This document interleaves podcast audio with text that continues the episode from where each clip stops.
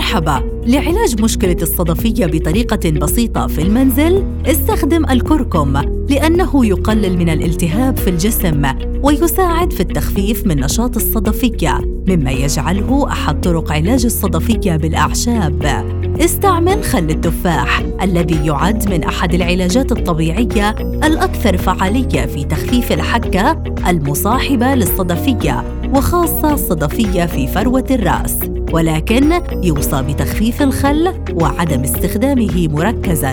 تناول الأطعمة التي تحتوي على زيت السمك أو دهون أوميغا 3 فهي تقلل من الالتهاب وتخفف من حدة أمراض المناعة الذاتية. حاول أن تدرجها في نظامك الغذائي حوالي مرتين إلى ثلاث مرات أسبوعياً. استعمل الشوفان مع الاستحمام فهو طريقة فعالة لعلاج الصدفية والتخفيف من الحكة والإحمرار والتهاب الصدفية. وأخيراً حافظ على ترطيب البشرة لأن الجلد الرطب يمنع تشكيل اللويحات والقشور. إلى اللقاء في وصفة علاجية جديدة.